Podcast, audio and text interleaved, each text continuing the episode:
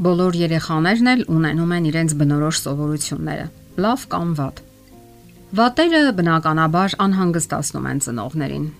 Որոշ սովորություններ ժամանակի ընթացքում անհետանում են, իսկ ահա որոշները կարող են մնալ եւ անգամ չանհետանալ։ Հարցն այն է, թե որքանով են դրանք կպչուն եւ նույնիսկ խանգարում են երեխայի բնականon զարգացմանը։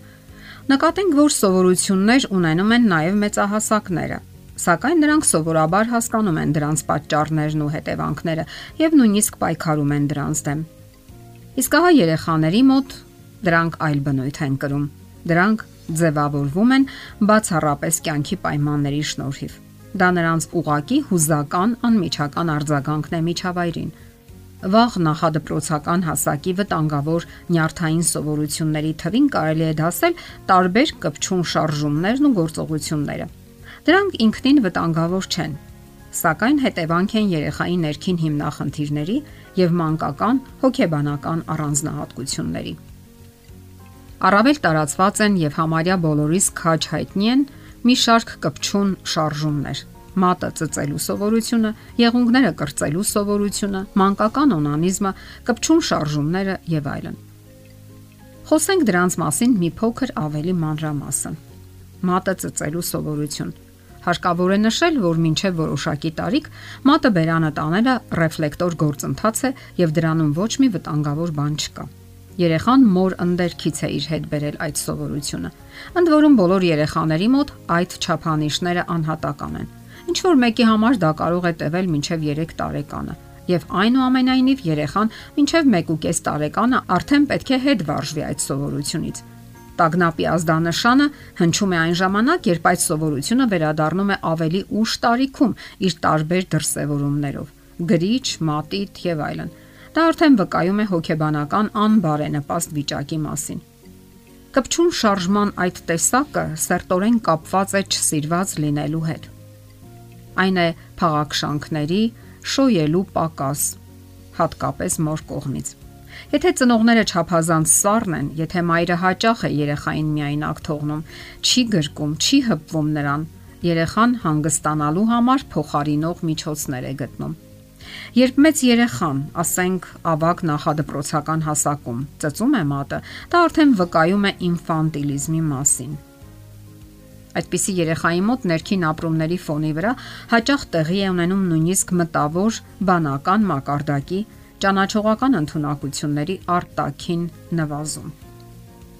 Իսկ եղունգները կրծելու սովորությունը բնորոշ է ավելի մեծ տարիքի երեխաներին։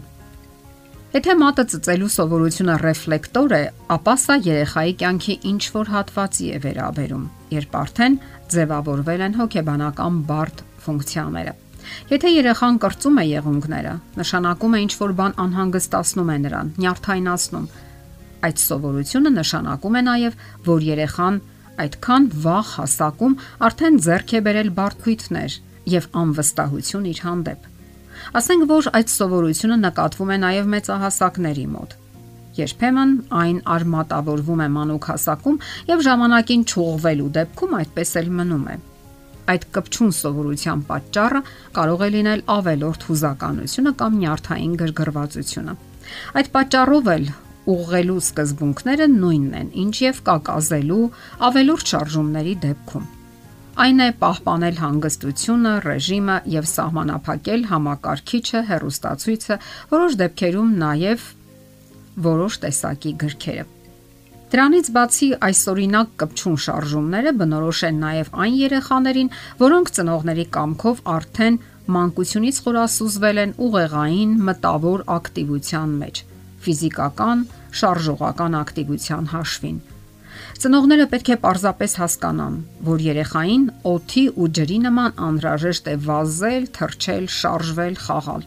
Դա անմիջականորեն հուզականորեն լիցքաթափում է երեխային եւ միևնույն ժամանակ խթանում նրա զարգացումը, այդ թվում նաեւ մտավոր արյան շրջանառությունը բարելավելու հաշվին։ Ինչ կարելի ասել անիմաստ շարժումների կամ կպչուն մտքերի մասին։ Անիմաստ շարժումների թվին են դասվում անընդհատ մազերը ուղղելը, քաշքշելը, որոշակի իրադրություններում որոշակի դիրքեր ընդունելը, ակամա շարժումներ անելը։ Իսկ կպչուն մտքերը առավել հաճախ վատ մտքերն են։ Երեխան մտածում է սպանության մասին, ինչ որ մեկին վնաս պատճառելու մասին, մտածում է, որ իրերը միշտ որոշակի կարգով պետք է դնի։ Այդ բոլորը վկայում են, որ երեխայի ընտանիքում կամ միջավայրում ծայրահեղ անբարենպաստ իրավիճակ է։ Այս դեպքերում երեխան կարիք ունի մասնագետի օգնության։ Հարկավոր է հասկանալ, որ նևրոզները անցնող երևույթներ են եւ բոլորովին էլ հոգեկան հիվանդություններ չեն, եւ որ պատճառները վերացնելու դեպքում այդ կպչուն սովորությունները կանհետանան։ Մանկական վտանգավոր սովորությունների կպչուն շարժումների գլխավոր պատճառը ընտանեկան անբարենպաստ իրավիճակներն են, ինչպես ասացինք։ Այդ ամենը հրահրում է, որ երեխան գրգռված լինի, հայտնվի տագնապի մեջ։ Եթե երեխան շրջապատված լինի ուշադրությամբ, քնքշությամբ, սիրով ու ջերմությամբ, կարող ենք վստահ լինել, որ նա այս օրինակ սովորություններ ձեռք չի բերի։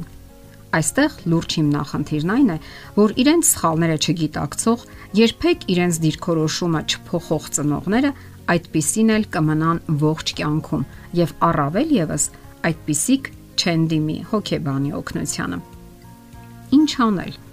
Անհրաժեշտ է երեխային շրջապատել սիրով եւ ջերմությամբ համբերատարությամբ պայքարել բացասական երևույթների դեմ եւ անհրաժեշտության դեպքում դիմել մասնագետների օգնությանը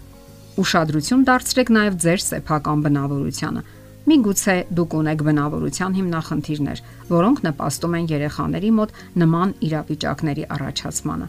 Ցանկացած ծնողից պահանջվում է ուշադրություն եւ զգոնություն։ Եթերում է ընտանիք հաղորդաշարը։ Ձեզ հետ է Գեղեցիկ Մարտիրոսյանը։ Հարցերի եւ առաջարկությունների դեպքում զանգահարեք 094 08 2093 հեռախոսահամարով։ Հետևեք մեզ hopmedia.am հասցեով։